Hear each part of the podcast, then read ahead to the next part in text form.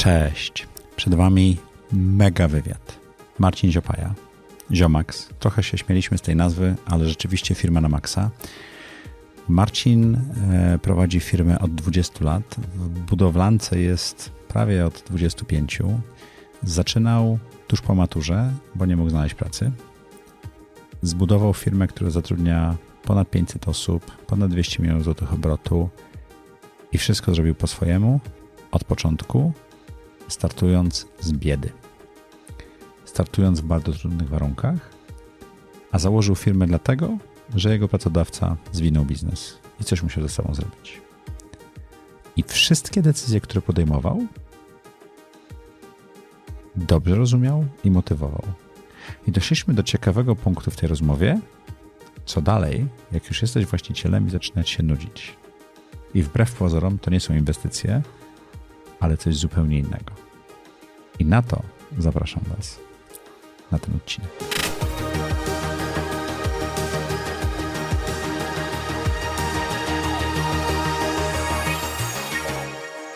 Witajcie w audycji Zaprojektuj swoje życie. Jak co tydzień w czwartek o czwartej zapraszamy dla Was interesujących gości, zadajemy im trudne pytania i zastanawiamy się, co ich napędza. Jeżeli jesteście tutaj pierwszy raz, koniecznie dajcie nam lajka i zostawcie komentarz. Sztuczna inteligencja to lubi, a my lubimy sztuczną inteligencję, daje nam zasięgi. Jeżeli prowadzisz firmę i zastanawiasz się, jak długo chcesz ją prowadzić, czy będziesz ją sprzedawał, czy nie, to mam dla ciebie miejsce, gdzie znajdziesz odpowiedź na te pytania. Już 29 lutego w Warszawie konferencja Życie po Exicie. Tylko 99 osób, super prelegenci, którzy opowiedzą nam o tym, jak sprzedali swoje firmy, jak wprowadzili je na giełdę, ale również dlaczego nie sprzedali swoich firm. Specjaliści, praktycy, miejsce dla przedsiębiorców o przedsiębiorcach z przedsiębiorcami. Zapraszam Cię bardzo serdecznie. życiepoexicie.pl Taka data, tylko raz na 4 lata. Do zobaczenia. A dzisiejszym gościem jest Marcin Ziopaja. Dzień dobry. Cześć Marcinie. Cześć. Masz fajną nazwę firmy, Ziomax. tak. Wszystko na maksa?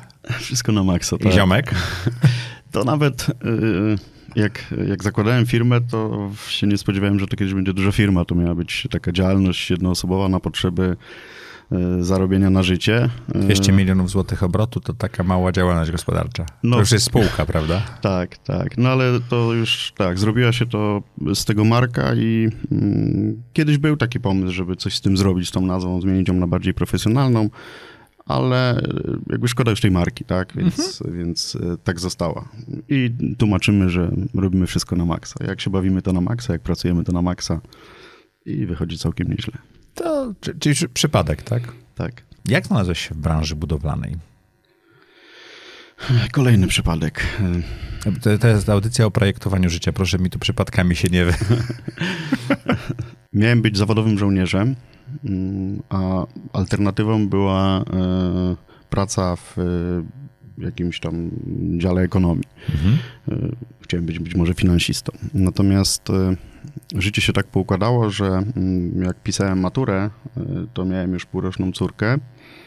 No i jakby to wszystko wywróciło mm, wszystkie plany do góry nogami, tak? Więc Rodzina musiałem... zobowiązuje.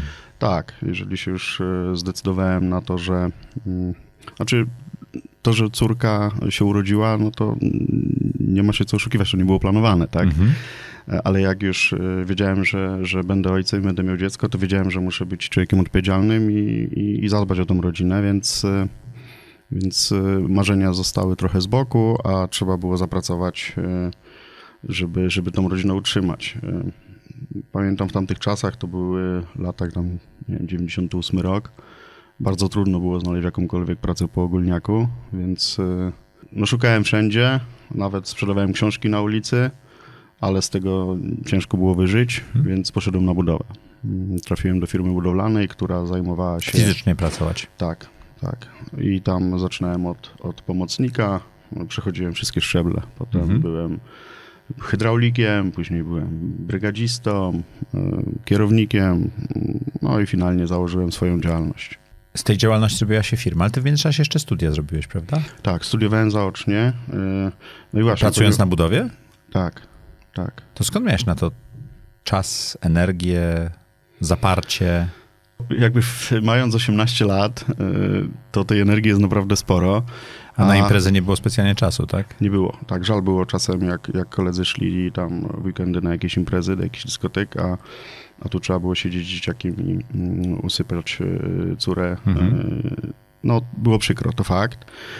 Ale no, każdy w życiu ma jakieś y, momenty, gdzie jest przykro, tak? Mhm. Y, W zasadzie teraz mam już y, dorosłą córkę, mogę się bawić, a moim kolegom jest przykro, bo muszą siedzieć w pieluchach, tak? A ty, a ty chodzisz na imprezy. A ja chodzę na imprezy. Także to no, jakby wszystko w życiu e, ma swój czas, e, natomiast e, no, trzeba było być już wtedy odpowiedzialnym i zrezygnować z czegoś, tak? Ja zrezygnowałem z piłki nożnej, którą bardzo kochałem e, i, i, i chciałem jakby dalej grać, ale no, wiedziałem, że jak jest już dziecko, jest, e, są obowiązki, no to e, wiedziałem, że edukacja musi być też e, ważniejsza niż piłka, nie? Mhm. niż sport, Mm, więc takim celem pierwszym to była matura, później studia. Chciałem iść na ekonomię, mm, ale w Kielcach był tylko licencjat, więc pani w sekretariacie powiedziała, żebym poszedł na politologię, a zrobił sobie specjalizację ekonomiczno-administracyjną i tak zrobiłem. To tam z ekonomią nie miało nic wspólnego, zresztą no, te studia No politologia to taka bardziej humanistyczna niż... Dokładnie, dokładnie. To zupełnie nie, nie, nie, nie trafione studia. W zasadzie nie, nie mogę powiedzieć, że one mi nic nie dały, bo może jakieś poczucie pewności siebie, może, Mhm. może nie wiadomo, co by było. Ale nie gdybym- wiedzę.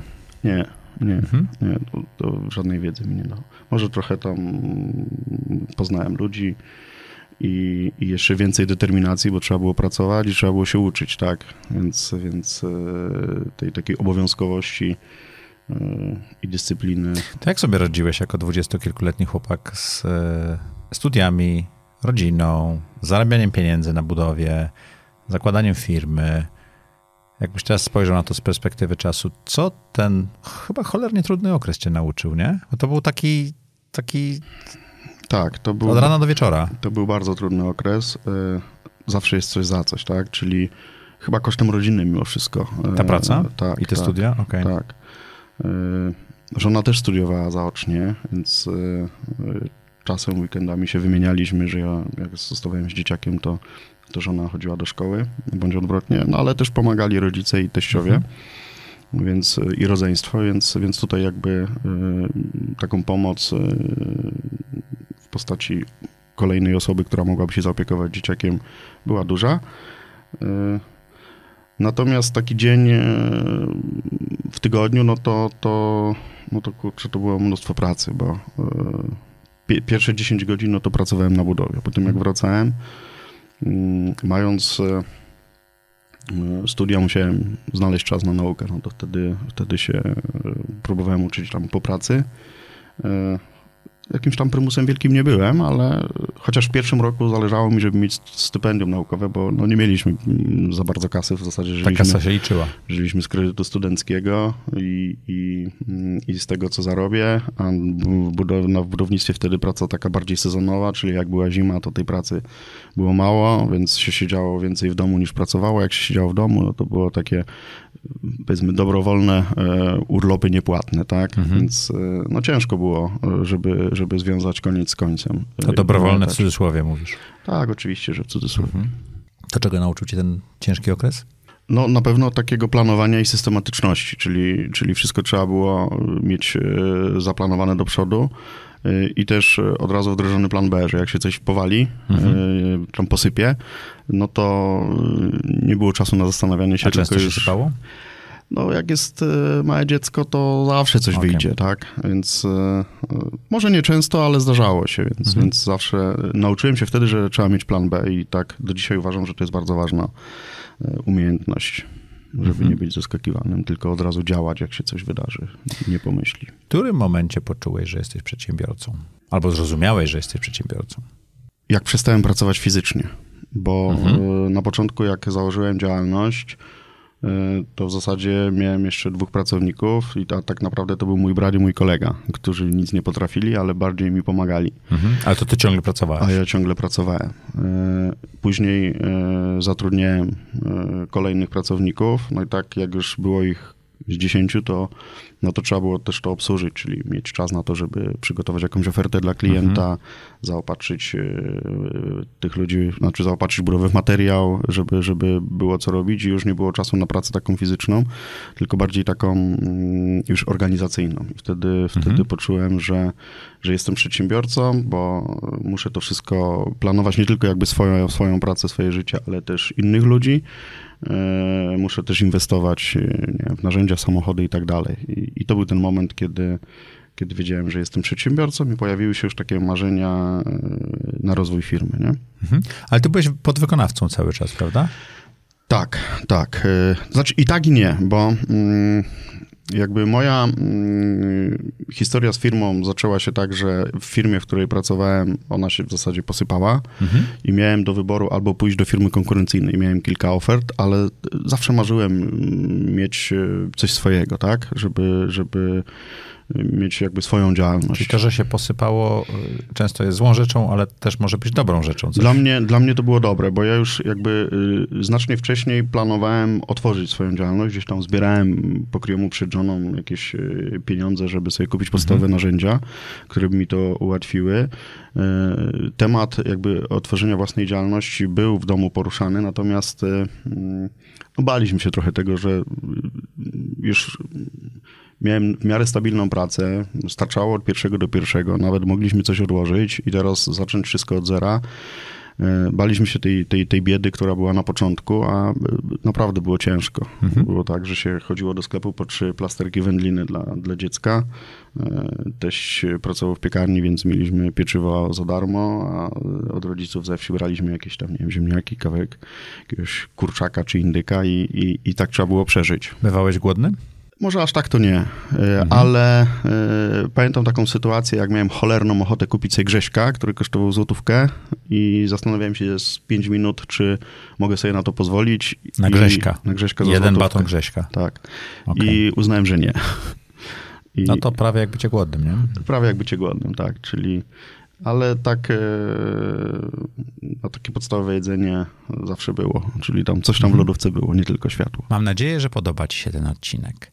Jak wiesz, moim celem, moim marzeniem i moim wyzwaniem jest dostarczanie Tobie wiedzy i motywacji, abyś mógł być przedsiębiorcą, abyś mógł rozwijać się. Szukamy niesamowitych gości, znajdujemy ich i próbujemy znaleźć tematy, dzięki którym można się uczyć i motywować. Pracujemy z całym zespołem nad produkcją i dystrybucją tych odcinków, a dzięki partnerom możemy to robić bezkosztowo dla Ciebie. Partnerem audycji jest MobileMed. Chcesz wesprzeć zdrowie swoich pracowników? Szukasz ciekawych, nowych i inspirujących programów well-being dla Twojej firmy w nowym roku? Sprawdź corporate-wellness.pl, link w opisie. Podpowiedzą, doradzą a co najważniejsze, dowiozą. Zadbaj o swoich pracowników, a oni zadbają o Twoich klientów i Twój biznes.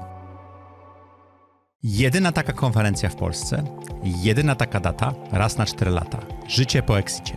Spotkajmy się w Warszawie podczas elitarnego wydarzenia dla doświadczonych przedsiębiorców. Dowiesz się, czy wyjście z firmy to Twój następny krok, jak go zaplanować i jak go dobrze przeprowadzić. Usłyszysz również o tym, jak ludzie, którzy sprzedają firmy, mądrze inwestują swoje pieniądze. Z praktykami i ekspertami porozmawiasz o efektywnych metodach exitu i o Twoich możliwościach po jego zrealizowaniu. Pozbądź się wątpliwości, czy, jak, czy w ogóle sprzedawać Twoją firmę. Zyskaj sprzymierzeńców i przygotuj swój plan. Spotkaj dojrzałych przedsiębiorców, takich jak Ty, i nawiąż z nimi relacje w kuluarach. Być może relacje na całe lata. Widzimy się na konferencji Życie po Exicie 29 lutego w Warszawie. Taka data tylko raz na 4 lata. Do zobaczenia.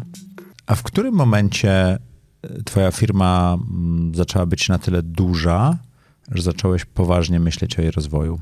E, takim przełomowym momentem mm, to, było to było nawiązanie współpracy z firmą Skanska poza terenem Kielc, czyli mm, na terenie Kiel czułem się już dosyć swobodnie, mhm. ale bałem się wyjechać poza granice województwa. No bo to zawsze coś nowego. Nie ma struktur, trzeba organizować jakieś noclegi, przejazdy nie no, można szybko czegoś dowieść.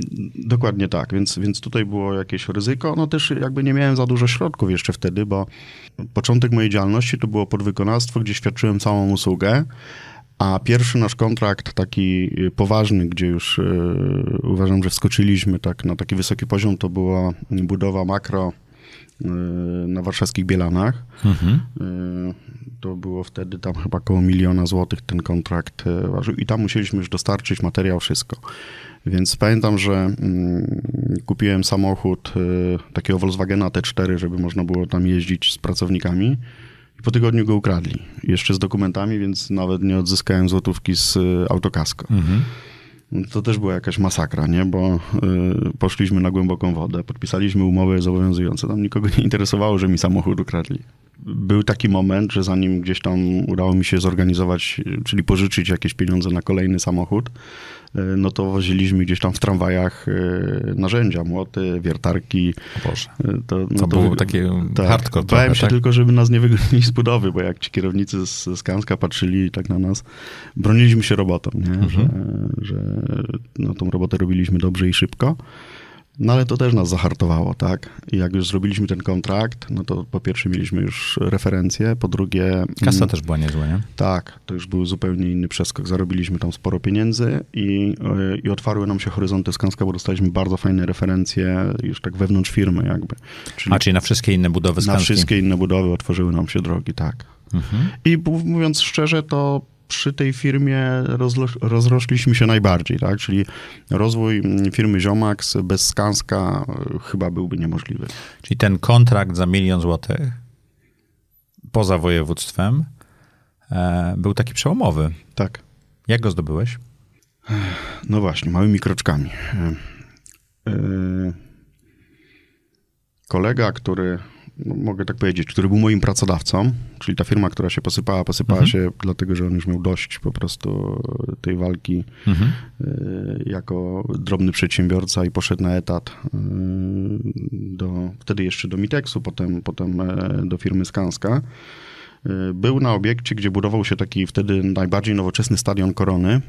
To był chyba pierwszy w Polsce taki no takie z prawdziwego zdarzenia europejski stadion. Mhm. Mm, I tam e, no, był, zbliżał się mecz otwarcia i, i, i te firmy, które realizowały ten kontrakt jakoś albo się nie do końca wyrabiały, albo tam doszły jakieś robóty dodatkowe, już nie do końca Co zaczęło się sypać. Tak, w każdym razie było, trzeba było zrobić odwodnienie tarasów tam na, na tym stadionie. No i ten mój kolega Robert zadzwonił, czy byłbym tym zainteresowany. No tylko Skanska jakby nie zlecała samej robocizny, tylko tam trzeba było już wejść jakby z pakietem. Ale ponieważ to była mm, dosyć tania instalacja, bo to trzeba było tylko kupić e, niedrogie rury kanalizacyjne i to poskładać, no to wzięliśmy Bo do tej kontrakt. pory robiliście samą robociznę. Tak, tylko. tak. Mhm. Wzięliśmy ten kontrakt. E, pamiętam, jak, jak poszliśmy tam we czterech i mówię, panowie, to jest dla nas olbrzymia szansa, olbrzymia. Jak zrobimy to e, naprawdę dobrze, szybko, i pokażemy się z super strony, to mamy szansę wejść do pierwszej ligi firm instalacyjnych. Jak drugiej szansy już nie będziemy mieć. No mhm. i zrobiliśmy to na tyle szybko, że że aż Robert się trochę przejmował, że to chyba za... Za mocno. Za mocny kontrakt dostaliśmy, za, przepłacił, nie? Aha. Oczywiście e, pół, pół żartem, pół serio, ale, ale udało się to zrobić szybko, zrobiliśmy to ładnie. Mm, tam taki główny instalator e, Skanska był bardzo zadowolony. E, I to był mały kontrakt. To był malutki, to tam, nie wiem, to mogło kosztować 40-50 tysięcy złotych, mhm. no nie? Ale, ale zrobiliśmy, tam trzeba było to zrobić w tydzień, my to zrobiliśmy chyba 2,5 dnia.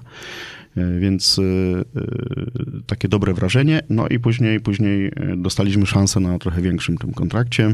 Oczywiście to było ryzyko, no ja tam też, my robiliśmy duże budowy, ale w zakresie samej robocizny, więc ja jakby samej, mm, że tak powiem, roboty się nie bałem, bałem się trochę, czy finansowo dźwignę. Mhm. No ale to też rozmowy, no tam z hurtowniami, z pośrednikami, z dostawcami, oni mnie już też trochę znali, więc, bo też robiliśmy sporo takich domków jednorodzinnych, gdzie tam to były taki, takie szybkie roboty. Tam robiliśmy już ze swoim materiałem, czyli kupowaliśmy materiał, tydzień zrobiliśmy, płaciliśmy i tak zawsze regulowałem te, te należności na czas. Nigdy nie było żadnych problemów, więc e, dostawałem kredyt zaufania taki też e, spory od moich partnerów biznesowych, nie? No wtedy to, to tam powiedzmy byłem żadnym atrakcyjnym kąskiem dla nich, no ale dzisiaj już jest inaczej. Już jest inaczej, a ja to pamiętam, nie? Czyli warto mieć długoterminowe relacje z dostawcami. Tak, tak. I jak oni ci pomogli na początku, to razem trzeba, dalej się z nimi rozwijać. Trzeba o tym tak? pamiętać, zawsze trzeba pamiętać. E, ja mam tak, że pamiętam i te dobre rzeczy, i te złe, tak? Czyli no jak, jak e, była teraz sytuacja takiej hiperinflacji związana z COVID-em, potem z wojną, no to było takie sprawdzam, gdzie, gdzie niektórzy podnosili swoje ceny po dwa razy w tygodniu i rozumiem jak musieli, ale nie rozumiałem jak e, robili czystą spekulację, nie? Ale to mhm. pamiętam i będę pamiętał, więc to się wszystko odwróci. zawsze można powiedzieć, sprawdzam kiedy indziej, prawda? Dokładnie. Mhm. W którym momencie zorientowałeś się, że pracujesz już nad firmą, a nie w firmie? O, to dosyć późno, czyli dosyć niedawno. Okej. Okay. Bo ty firmę prowadzisz już 20... 20 lat. 20 lat równo. Tak, tak. W tym roku w maju 20 lat minęło. Mhm. To, to, ile lat temu tak już stwierdziłeś, że nie do końca pracujesz operacyjnie w biznesie? Myślę, że tak gdzieś 4 lata temu. Czyli po 16 latach? Tak. Okej. Okay. Tak. No, jakby ja przechodziłem wszystkie te, te drogi, całą tą drabinkę szczebelek po szczebelku. I bardzo trudno jest y, mm, oddawać swoje obowiązki, bo y, z dwóch powodów. Pierwszy, myślę, że większość przedsiębiorców się z tym boryka, mhm. nawet jestem pewien, bo jak teraz rozmawiam z mniejszymi bądź udzielam im rad, to widzę, że jest to samo, że problem w, w, w skalowaniu i w rozwoju firmy jest, zaczyna się od właściciela, czyli pierwsze, boimy się, że jak ja tego nie zrobię, to ktoś to zrobi źle, a po drugie, jak y, ktoś to zrobi dobrze, to ja będę niepotrzebny, nie? I ten lęk przed takim, mm, przed taką, nie wiem, samotnością, nie wiem, obniżeniem wartości jest y, na tyle duży, że no mamy duże opory, żeby się y, całkowicie pozbywać swoich takich operacyjnych obowiązków. A dopóki jesteśmy zaangażowani operacyjnie, w sensie, że wykonujemy coś tam mm, prawie etatowo, no to ciężko pracować nad firmą, bo nie ma na to czasu. I mi to schodziło dosyć długo. Stopniowo, stopniowo oddawałem. E, dzisiaj chyba już prawie jestem gotów oddać wszystko. A pamiętasz ten moment, kiedy zdałeś sobie sprawę, że już możesz się skupić na strategii, nad przyszłością firmy, a nie nad takimi codziennymi operacjami? Tak. Miałeś taki moment, że siadłeś i mówisz ojej, czy nie? Tak. No to też jest e, w pewnym momencie człowiek jest e, tak dociążony i obowiązkami, i problemami, że jakby to wszystko traci sens, nie? No bo co z tego, że są pieniądze, co z tego, że firma się rozwija, jak życia mhm. nie ma, nie? No twój kolega wrócił na etat, tak? To wiele osób nie wytrzymuje tego. Tak. E, w różnym stopniu, tak? Sprzedaje tak. firmy, robi tego typu rzeczy. Tak. I, yy, i ja kiedyś sobie przyjąłem taką strategię, że yy, jeżeli czegoś bardzo nie lubię robić, to zatrudniam kogoś bądź zlecam to komuś, kto zrobi to za mnie, no nie? Często zrobi to lepiej, bo jak nie lubisz, to robisz to tak po Dokładnie tak. Czyli na początku zacząłem się pozbywać tych rzeczy, których, które mnie najbardziej stresowały i których najbardziej nie lubiłem robić. E, a później już e, jakby jak zobaczyłem, że, że przy tam jednej z restrukturyzacji, że to fajnie działa, że mam fajny zespół, że ludzie, jak im się daje wolną rękę, robią dobrą robotę, i serio lepszą mm, niż, niż ja z doskoku często, mm, no to dało mi to jakby mm, i takie poczucie e, spokoju, że, że ta organizacja jest e, już samodzielna i to było takie moje spełnienie, że nie wiem, jeżeli dzisiaj byśmy się wybrali na trzy miesiące na Zanzibar, nie ma z tym żadnego problemu. Ta firma sobie beze mnie doskonale poradzi, nic się nie zadzieje, jestem pewien. Kiedyś e, urlop tygodniowy to, e, no to był olbrzymi stres, nie? I telefon w łóżku, tak? Dokładnie. I na plaży. Dokładnie tak. Mhm. Więc tak trzy dni to jeszcze jako tako, a później to już... A nawet jak nie dzwonił, to było jeszcze gorzej, bo już e, gdzieś w głowie był niepokój, nie mogłeś że... wyłączyć. Tak, więc, więc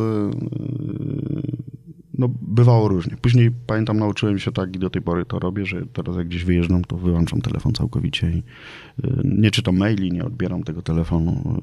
Y, to nie ma takiej potrzeby, no nie? Mhm. Więc y, da się wszystko, tylko no, trzeba sobie to układać najpierw w, swojej głowie. Pytanie za milion punktów. Jak zbudowałeś ten zespół zarządzający firmą? Że byłeś w stanie jesteś w stanie pojechać na wakacje, wyłączyć maila i nie martwić się. Bo to zawsze jest, yy, po pierwsze jest cholernie trudne, trudno delegować, to już o tym mówiłeś. E, po drugie, yy, trzeba tak zatrudnić i wykształcić ludzi, żeby mieć do kogo delegować.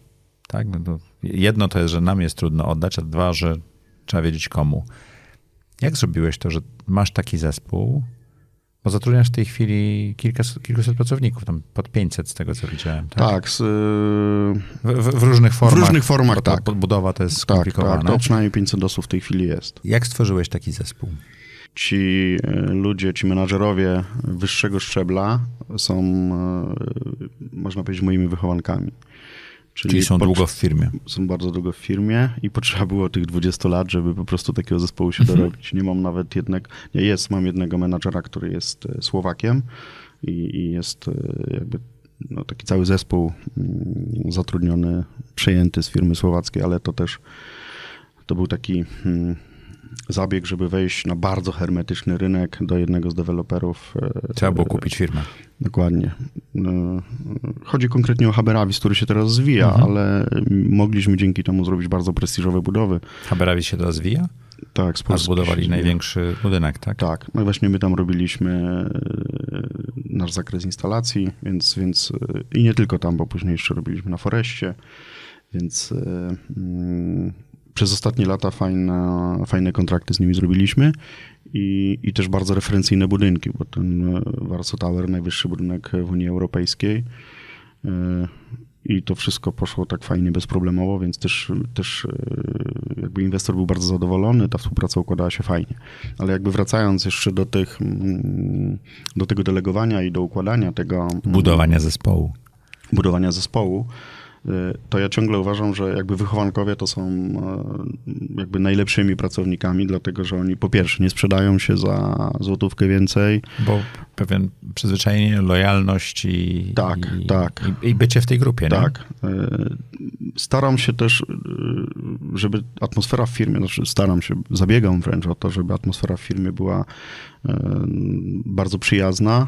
Nie ma, nie ma miejsca dla ludzi toksycznych, nie ma miejsca dla braku poszanowania, że nie musimy się kochać, bo to już jest za duża organizacja, ale musimy się szanować. Ludzie to doceniają, jakby słuchamy tych ludzi i, i, i mamy. Ja na przykład w firmie z każdym, z kim mam kontakt, jestem na ty. Mam tak wypuszczone relacje, że nie potrzebuję, żeby mi ktoś tam prezesował, czy, mhm. czy ten. I to jest fajnie, ale z drugiej strony też nie mam problemu, jak trzeba walnąć walnąć ręką w stół i, i, wprowadzić szybką dyscyplinę, bo gdzieś tam jakieś e, rozluźnienie czy, czy głupoty się robi, nie? E, natomiast e, siłą tej firmy według mnie są ludzie, którzy są, pracują długo i jakby wspólnie tworzyliśmy, wspólnie rośliśmy z tą firmą. Niektórzy odpadli, bo no, to tak chyba naturalnie jest, że... To, to zadam ci pytanie, bo, bo absolutnie z tobą zgadzam, że, zgadzam, że lepiej mieć um, ludzi, którzy razem z firmą urośli, czasami nie nadążą z, tak. na, za tym wzrostem i to jest normalne, niż szukać ludzi na rynku, no bo kulturowo to będzie bardziej spójne i oni lepiej znają firmę. Ale w jaki sposób wybierałeś te osoby, które będziesz rozwijał? E, w jaki sposób sprawdzałeś, że sobie poradzą? I w jaki sposób już wiedziałeś, że możesz zostawić im nie zadania, ale obszar, tak? Bo to jest to, to największe delegowanie, to jest jak przestajesz delegować zadania, bieżączkę czy projekty, ale zaczynasz delegować obszar.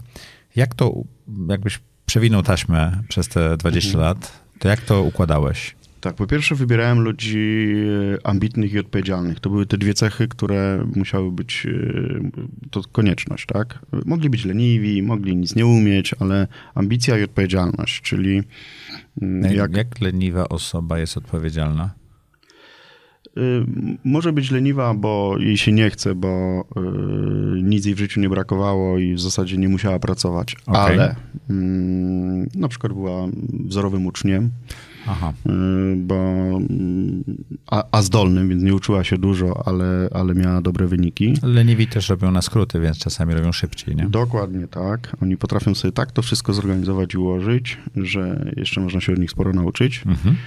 E, Więc e, lenistwo mi jakby nie przeszkadzało. E, Natomiast jak wiedziałem, że jest osoba ambitna, no to dając marchewkę, pokazując ścieżkę karier, można było łatwo tą, tą leniwość wypierać.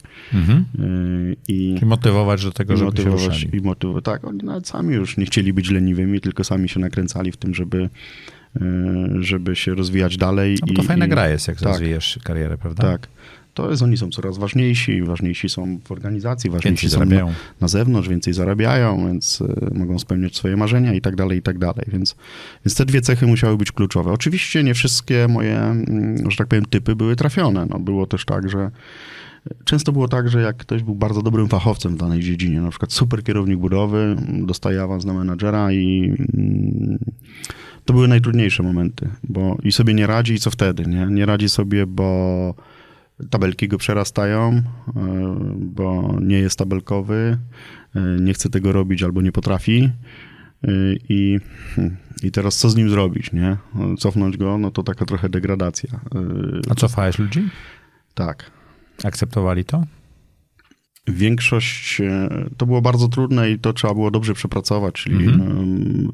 jakby wspólnie się cofać, tak? Ale Czyli- dla niektórych to jest y, powrót do szczęścia, bo oni byli w, Dokładnie w tak. swoim y, centrum takim. Dokładnie nie? tak. I ci ludzie, którzy to zrozumieli, a są tacy do dzisiaj pracują, są świetni pracownicy, bardzo ich cenię, e, właśnie są ba- ba- mega szczęśliwi. Oni to często się spotykają, o najlepsze, co mnie spotkało, to to, że tam że nie Przestałem. jestem menadżerem, no Mhm. nie? I sobie jakby swoje życie realizuje w inny sposób. Niektórzy nie wytrzymali tej presji i, i, no jeżeli jest degradacja, to odchodzą. No to trudno. No, no, no, firma odjeżdża, e, nie wszyscy zdążą wskoczyć do wagonika, tak? Jeżeli chcemy, żeby się mm, rozwijać, no to czasem ta wymiana jest konieczna. No, przychodzą młodzi, ambitni, e, nie wiem, bardziej kreatywni. e, No to jest takie naturalne. Ale ten trzon firmy jest, e, jest bardzo mocny, bardzo mocny fundament. Ja też byłem takim chyba bardzo wymagającym nauczycielem. Co to znaczy bardzo wymagającym nauczycielem? raczej ostro podchodziłem do tematu, czyli albo wóz, albo przewóz, nie? Czyli nie było jakby mm, miękkiej gry, nie było jak e, mm, ustalaliśmy, że nie ma jakby mm, opcji jakiegokolwiek e, tolerowania alkoholu w firmie, no to jeżeli mm, ktoś tego nie rozumiał, to, no to był autowany, nie było drugich, trzecich szans, nie? E, Jak ja pamiętam, jak, jak e, wychowywałem, nie wiem, czy to jest dobre e, określenie, mam nadzieję, że kształciłem e, e, koleżankę, która jest teraz szefem działu logistyki, odpowiada za wszystkie centralne zakupy. Mhm. Bez niej jakby nic nie może się w firmie zadziać, czyli ona musi zaakceptować każdy zakup, bo raz, że jest świetna w tym, co robi, a dwa, że mam do niej zaufanie. Ja pamiętam, jak przyszła po studiach i, mm, i dostawała właśnie ode mnie zadania, że ma to mnie mm, przygotować jakąś ofertę zakupową na dane urządzenie. Przychodziła i e, pytałem, czy to jest najlepsza oferta? Tak, jest najlepsza. A ile e, firm zapytałaś? No pięć. A to są wszystkie firmy? No nie wiem. No to się dowiedz i przyjdź. No Aha. to przychodzi, tak, zapytałem Czyli 10. taka trochę ciężka zdrowia, tak? To są wszystkie, tak. No dobra. A, y, I jesteś pewna, że to jest najlepsza oferta? Tak, jestem pewna. A jak zadzwonię i będzie taniej? Dobra, to przyjdę. I, I czasem takich powrotów było mm, kilka. Y, A jak już y, zadałem wszystkie pytania, czy wszystkich zapytała, czy jest pewna, czy jak zadzwonię i usłyszałem, to dzwoń, no też wiedziałem, że jest... To już nie y, było sensu nic robić, Że tak? nie było sensu nic zrobić. Dzisiaj się z tego śmiejemy e, wspólnie, że to była taka ścieżka bardzo taka twarda, e, ale też e, jakby szybko ucząca. E, I śmiejemy się, że dzisiaj młodzież nie wytrzymałaby tej presji. E, Pewnie, ale, masz rację. ale no też jakby nie chcę uogólniać, natomiast na pewno trudno byłoby znaleźć spośród dzisiejszej młodzieży osobę, która by mm, to trochę też było pewnie upokarzające i, i, i takie stresujące zadanie, gdzie, gdzie mm, ileś razy trzeba było wrócić, bo szef ciągle niezadowolony, tak? Ale czy to nie jest tak, że najlepsi ludzie, jakim robisz takie właśnie zadania, to przy kolejnej iteracji podobnego zadania już nie wracają z taką ilością błędów? Oczywiście, że tak. Że, że już się raz nauczyli, że trzeba wszystkie oferty, Oczywiście. obdzwonić je wszystkie i powiedzieć, że tam Kowalski daje 5% taniej, to może pan też, tak, i tak dalej. Oczywiście, tak? że tak. Oczywiście, że tak. I, I po tym też można było poznać, tak? Czyli i ile razy ktoś popełnia dany błąd yy, i, i, i czy robi postępy, tak? Yy, no, jak się zachowuje w takich sytuacjach yy, w dużym stresie. W którym momencie twoja firma przekroczyła 100 milionów złotych obrotu? No nie tak dawno, to chyba właśnie było 3-4 lata temu. I jak to celebrowaliście? Bo to chyba było wielka. Czy może 10 milionów było ważniejsze? Chyba 10 milionów było ważniejsze. Ja mimo wszystko, Okej. ja mimo wszystko mm, uważam, bo tak mm, zawsze się mówiło, nie być może do tej pory tak się mówi, że pierwszy milion trzeba ukraść, albo jak się zarobi pierwszy Nie, nie milion, lubię to, tego powiedzenia. to, to potem już jest z górki, no nie? Mhm. Ja się z tym nie zgadzam, y, że najtrudniej jest pierwszy milion zarobić. Najtrudniej jest zarobić pierwsze 100 tysięcy. Y, O, Bo... mm, zysku. Tak, tak. Mhm. Bo jeżeli mamy 100 tysięcy, no to możemy te pieniądze już reinwestować. Mhm. Możemy kupić narzędzia, możemy zatrudnić nowych ludzi, możemy e, nie wiem, skalować się w jakiś sposób, możemy to mm, reinwestować, nie wiem. E, Ale mamy, mamy jakby wolną gotówkę, która pozwala nam e, na zrobienie kroku do przodu. A jak mamy zero, to żeby z tego zera, nie wiem, zrobić pierwsze 10 tysięcy, to jest droga przez mękę. Mhm. Potem z tych pierwszych 10 tysięcy e, zrobić 100 też jest mega trudno, mega trudno. Ale jak się już ma te 100 tysięcy, jak już jest to, to jest właśnie ten mój e, skok taki do pierwszej ligi, tak? Jak miałem 100 tysięcy, to mówię, możemy pójść e, zaatakować Warszawę, tak? Mhm. Bo, bo kupię sobie samochód, kupiłem narzędzia, e, mam na to, żeby wynająć jakiś hotel pracowniczy czy mieszkanie dla pracowników. Czyli miałem pieniądze, które mogłem zainwestować w to, żebyśmy mogli wejść na inne rynki, zupełnie inne rynki. Mhm. I to dało milion praktycznie e, w ciągu ciągu, nie wiem, dwóch. dwóch, trzech lat Mhm. e, dało jakby milion zysku, tak? Więc ta dźwignia była jakby bardzo dynamiczna. Ale do tych pierwszych 100 tysięcy się dochodziło też z 5 lat, nie? Jeśli chcesz dotrzeć do przedsiębiorców, ludzi takich jak ty, zareklamować się w audycji Zaprojektuj swoje życie, napisz na adres partner małpa zsz.media. Zapraszam do współpracy. Jak przez te 20 lat, nawet dłużej, bo ty jeszcze pracowałeś zanim miałeś e, firmę, czyli przez ćwierć dekady, ćwierć wieku, e, zmieniła się ta branża z twojej perspektywy? Branża zmieniła się bardzo. To myślę, że mm, no, trudno byłoby nawet e, to rozpoznać. Gdybyśmy dzisiaj wzięli te standardy, przenieśli 25 lat do tyłu, to chyba by się nic nie zbudowało. Nie, po, nie podołalibyśmy. Nie, to, ale to też e, pamiętam, że. Bo Też tak, my, inne rzeczy się budowały też, nie? tak, inne rzeczy, inna technologia, ale też zupełnie inny mental. Wtedy jeszcze e, w branży budowlanej mieliśmy fachowców tych e, takich postkomunistycznych, tak? Mhm.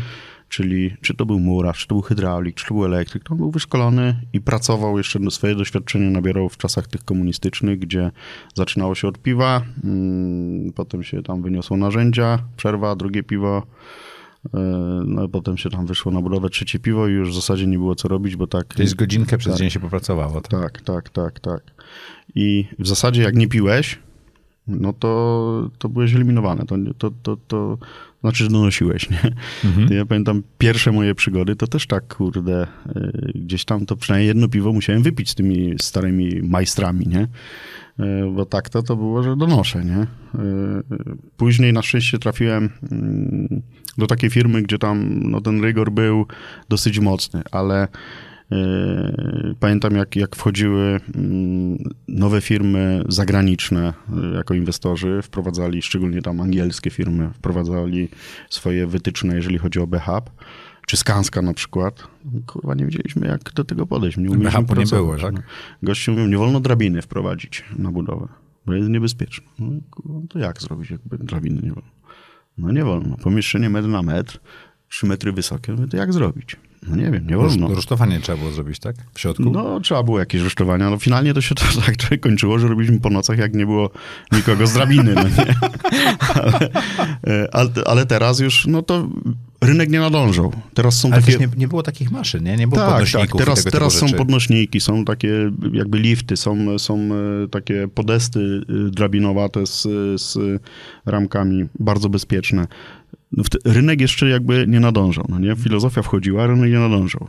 Papierologii y, było tyle, że my nie wiedzieliśmy, co oni od nas chcą, nie? Właśnie pamiętam, y, wchodzimy na budowę, y, jest telefon, proszę przyjechać, uzupełnić dokumenty, bo nie wpuszczamy pańskich ludzi na budowę. Do Gliwic właśnie wtedy, pamiętam, robiliśmy fabrykę Kirchhoffa. Jakie dokumenty? Badania dostali, szkolenia dostali, co oni chcą, nie? Mhm. Jadę. No czego wy nie macie? No nie ma IBWR-ki. Czego? IBWR-ki. Kurwa, co to jest? Wstyd się przyznać, że nie wiem.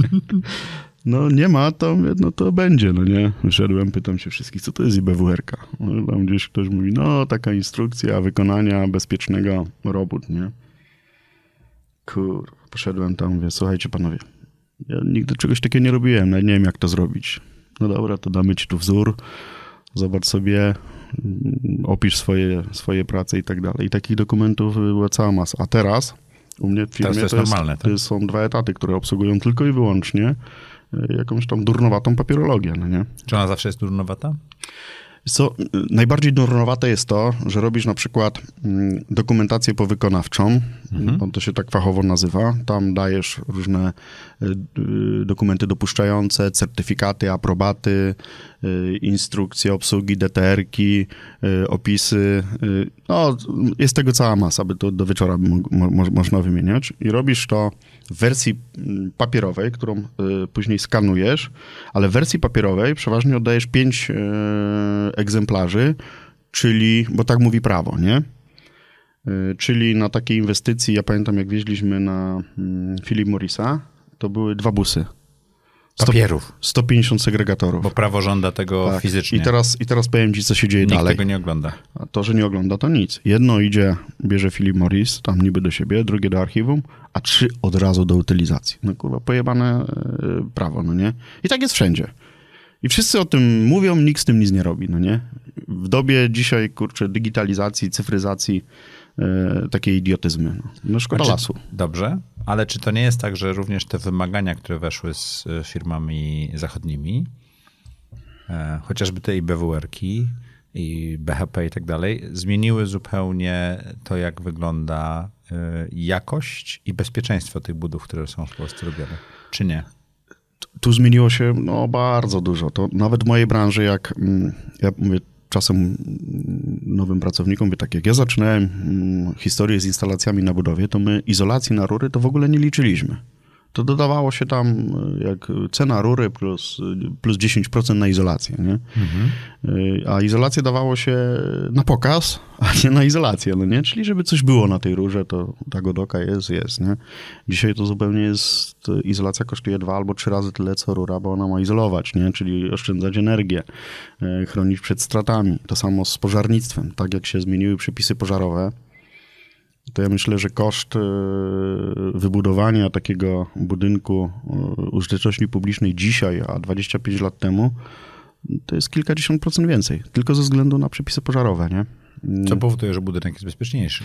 Oczywiście, to, to bezapelacyjnie tak jest. Te budynki są mniej energochłonne, ale też są dużo, dużo bardziej bezpieczne pod, pod kątem właśnie pożarowym, nie? A jak zmieniła się kultura pracy, konkurencja, no bo kiedyś w Polsce było bardzo dużo małych firm. Mhm. I pewno ciągle jest dużo małych firm, które jakąś tam kawałek rynku okupują, ale jednak oprócz tych dużych inwestorów zagranicznych też mamy dużych inwestorów polskich i takie firmy jak twoja. Mhm. Jak to wyewoluowało i co twoim zdaniem to powoduje? Właśnie jakby wykształcił się taki model w dużych firmach, gdzie w zasadzie duże firmy zatrudniają tylko y, pracowników takich y, nadzorująco zarządzających, mhm. a, resztę zlecają. A, a, resztę zlecają. I to y, jakby w każdej dziedzinie tej branży budowlanej, nawet e, te kontrakty drogowe, gdzie przyjeżdżała ta firma z teczką i wygrywała przetargi, to rzeczywiście tak było, nie? Wszystko było dalej podzlecane i, i chodziło tylko o to, żeby żeby to dobrze pokontraktować między, między mniejsze firmy, e, odciąć jakby swój kupon, czyli swoją marżę i, i tak to funkcjonowało. I zarządzić tylko. I zarządzić. I trochę tak jest, bo mm, jakby jestem przekonany, że duże firmy mm, w generalnym wykonawstwie, typu, nie wiem, Budimex, e, Strabag, POR, e, no można by ich wymieniać, mhm. całą masę, tam nikt nie wykonuje e, pracy takiej produkcyjnej, montażowej własnymi ludźmi. Oni nie zatrudniają jakby pracowników budowlanych, a jeżeli już, to takich do jakiegoś serwisu, do jakiegoś sprzątania, E, ale tam jest tylko e, kadra zarządzająca, no nie? I nadzorująca. I to jest koniec. Reszta jest wszystko podzlecane mniejszym firmom, nie? Wspominałeś o pandemii, o wojnie w Ukrainie, jak one wpłynęły. Czy twoja firma jest gotowa na pokój w Ukrainie i to, co się stanie przy odbudowie w Ukrainie? Bo to wywróci stół chyba również w Polsce, prawda? No tutaj wchodzimy trochę w takie przewidywanie światopoglądowe. E, to czy... po, po, po, pofantazjujmy. Pofantazjujmy. No, jakby scenariusze są dwa. Jeden scenariusz jest taki, że jest y, szybkie porozumienie, pokój i szybka odbudowa Ukrainy. Mhm. I wtedy uważam, że dla naszego polskiego rynku budowlanego to jest katastrofa, e, bo jest no, tych gigantyczny odpływ pracowników tych. E, I kapitału pewno też. I kapitału do odbudowy, do odbudowy Ukrainy i my dzisiaj nie mamy e, kim wykonywać mhm. tych naszych robót. Ja zakładam, że dzisiaj w branży budowlanej przynajmniej 65-70% e, pracowników tych produkcyjnych to są e, imigranci, nie? Zarobkowi. Mhm. Głównie ze wschodu. Ukraińcy, Białorusini i dalej. Dokładnie tak. Mhm. Nie ma jakby w najbliższej przyszłości innego wyjścia, jak sięgnąć po, sięgnąć dalej, nie? Czyli Azja, Afryka. Mhm. A w Płocku już tak było, że Orlen buduje właśnie wszystko. Tak, no ale ta narracja jakby polityczna, bo już nie chcę mówić rządowa, mhm. polityczna, na, która, która tam w ostatnim czasie mm, była, że, że sprowadzamy tych imigrantów niepotrzebnie, ona to zblokuje. Myślę, że to przez... E, Na szczęście nam się trochę władza zmieniła, więc jest szansa, że... Tak, ale, ale ten, no bo tak, teraz będą te afery wizowe, więc Aha. Będzie komisja do, do, do, do tych afer wizowych, więc y, ciągle ta narracja taka y, negatywna będzie. W Polsce generalnie brakuje paru milionów pracowników non-stop, nie, nie tylko w budowlance. I my nie mamy innego wyjścia, jak sięgnąć mhm. po tych ludzi. Jeżeli tego nie zrobimy, to przegramy rywalizację z y, innymi krajami europejskimi. Z, z mhm. każdym przegramy tę rywalizację. Więc, y, bo siłą rzeczy ten, ten potencjał ukraiński, on tak czy inaczej odpłynie. On już część, częściowo odpłynął w stronę e, zachodu, czyli ci lepsi fachowcy wyjechali do Niemiec, bo tam są znacznie lepsze pieniądze. Mm, a jak wrócą odbudowywać do siebie, no to my zostaniemy, w zasadzie my musimy iść za nimi, no bo e, ja sobie to wyobrażam, że mm, moja firma będzie wtedy takim e, solidnym wykonawcą e, w Ukrainie, no bo niewiele się zmieni. Będę miał prawie I tych samych tak jak ludzi. wychodziłeś z województwa, to będziesz wychodził za granicę, tak? Nie będę miał wyjścia. Nie będę miał wyjścia. Okej. Okay. Jeżeli się... Bo twoi yy, odbiorcy, te duże firmy, jak powiedziałeś, że skupiające się na zarządzaniu, naturalnie przejdą tam zarządzać Dokładnie tymi tak. rzeczami, więc też dobrze będzie im dostarczać, tak? Dokładnie tak. Dokładnie tak. Tam się otworzy rynek, e, duży rynek, no i tam będzie tak naprawdę dużo rzeczy gotowych, bo tak, ci Ukraińcy, którzy dzisiaj pracują dla nas w Polsce, oni pójdą pracować tam, więc my będziemy mieli gotowe struktury, gotowych pracowników. Trzeba będzie tylko zrobić e, kadrę taką nadzorującą, zarządzającą. Być może wtedy również z tych pracowników ukraińskich jest e, no, jakby jesteśmy gotowi. No kapitał jeszcze, to, tak? To Marcin, czy twoja firma jest na to gotowa? Bo to zrobi tak dużą różnicę, jak ten pierwszy kontrakt za milion złotych chyba, nie? Myślę, że jest. Myślę, okay. że jest. Myślę, że jest. Y, chyba największym hamulcowym byłbym ja, bo mi się już tak nie do końca chce, no nie? Jak, Czemu ci się do końca nie chce? Jeżeli nazwiemy to, że to, co osiągnąłem dotychczas jest sukcesem, to ten sukces musiałem przypłacić yy, zdrowiem, czasem, e, poświęceniem, I jakby tak przeliczyć na godziny pracy, to już na pewno byłbym emerytem. Bo ja nigdy nie pracowałem w sensie 8 ilości godzin. wypracowanych ilości wypracowanych godzin. Więc teraz trochę się koncentruję już na tym, żeby odzyskać to zdrowie, które straciłem, żeby dojść do tego miejsca, gdzie, gdzie jestem i wydaję na to pieniądze. Teraz też chciałbym, żeby rodzina wreszcie poczuła, że jestem. Choć wydaje mi się, że to się już trochę udało. Chodzi mi tu głównie o córkę, że, że te relacje udało się odbudować, choć ona już jakby ma własnego męża i własną rodzinę. Znaczy nie ma jeszcze dzieciaków, ale już żyje sobie osobno, ale jakby cieszę się, że mamy fajne, fajne, fajny kontakt ze sobą. No nie wiem, może będę miał niedługo jakiegoś wnuczka albo wnuczkę, więc, więc chciałbym się tu, tu realizować na tym poziomie. I jakby więcej czerpać z życia. Nie chcę już dodatkowych nowych problemów, no nie? Więc jak, jak mam... Czyli rzeczywiście możesz być hamulcowym takim tak, ja to w filmie, światopoglądowo trochę. Tak, ja to w filmie nawet mówię, że słuchajcie, jak chcecie organi- rozwijać tą organizację, no to, to trzeba mnie trochę odsuwać już od tego, bo... Czyli Ukrainę zrobimy pod warunkiem, że nie będę musiał nic robić Znaczy trochę. Ukraina jest dla mnie trochę podniecająca, więc tam jeszcze bym się zaangażował, bo to jest nowe, nowe wyzwanie, no nie? Teraz dostaliśmy takie fajne zapytanie na kontrakt na Antarktydzie, no nie? Na Antarktydzie? Tak. Nie wiadomo, czy się to uda, ale po pierwsze się cieszę, że zostaliśmy wybrani, no bo to jest duże wyzwanie i skoro... Tam już ktoś, dowieść, jak skoro... ktoś się zapomnie, to nawet młotek jest problemem, nie? Nie, no to tam płynie się chyba 6 tygodni, jak tam no sprawdzaliśmy, właśnie. no nie? Więc, więc, ale no referencyjnie fajny, fajny temat. Pewnie biznesowo to tak średnio, ale no, na pewno jest to podniecające, tak? No, zrobić coś na Antarktydzie, no to tak jakby trochę zmienić świat, nie? Wpisać w referencję. No, no, to takie rzeczy, takie rzeczy lubię, ale jak mam kontrakt w Szczecinie, gdzie nie mam tam, nie mamy tam ani struktur kierowniczych. Dzisiaj taka długa delegacja to jest, to jest nierealne. Mhm. ludzie nie chcą pracować w delegacji. Więc budować to wszystko tam, e, zdobywać ludzi nie wiadomo jakiego pochodzenia, e, to wiadomo, że nie zadziała, więc te problemy wrócą ze zdwojoną siłą. Już mi się nie chce takich rzeczy jakby otwierać od nowa, no nie? Ale wiesz co, ty mówisz, że ci się nie chce, a ja, ja bym to trochę inaczej nazwał. Znaczy, mhm. zgadzam się, że ci się nie chce, bo mi się też pewnych rzeczy nie chce robić, ale ty wiesz, w jakich obszarach twoja firma i twoje usługi będą bardzo dobrze wykonane. Tak zarówno geograficznie, czy w zakresach i tak dalej. E, I tak jak na początku, jak budujesz firmę, to łapiesz się każdej roboty. Tak. Bo po pierwsze potrzebujesz pieniędzy i roboty, a po drugie potrzebujesz referencji i doświadczenia. Tak z czasem coraz bardziej chyba się wyspecjalizowałeś, prawda? Robisz duże projekty wokół tych instalacji, które robicie. To prawda.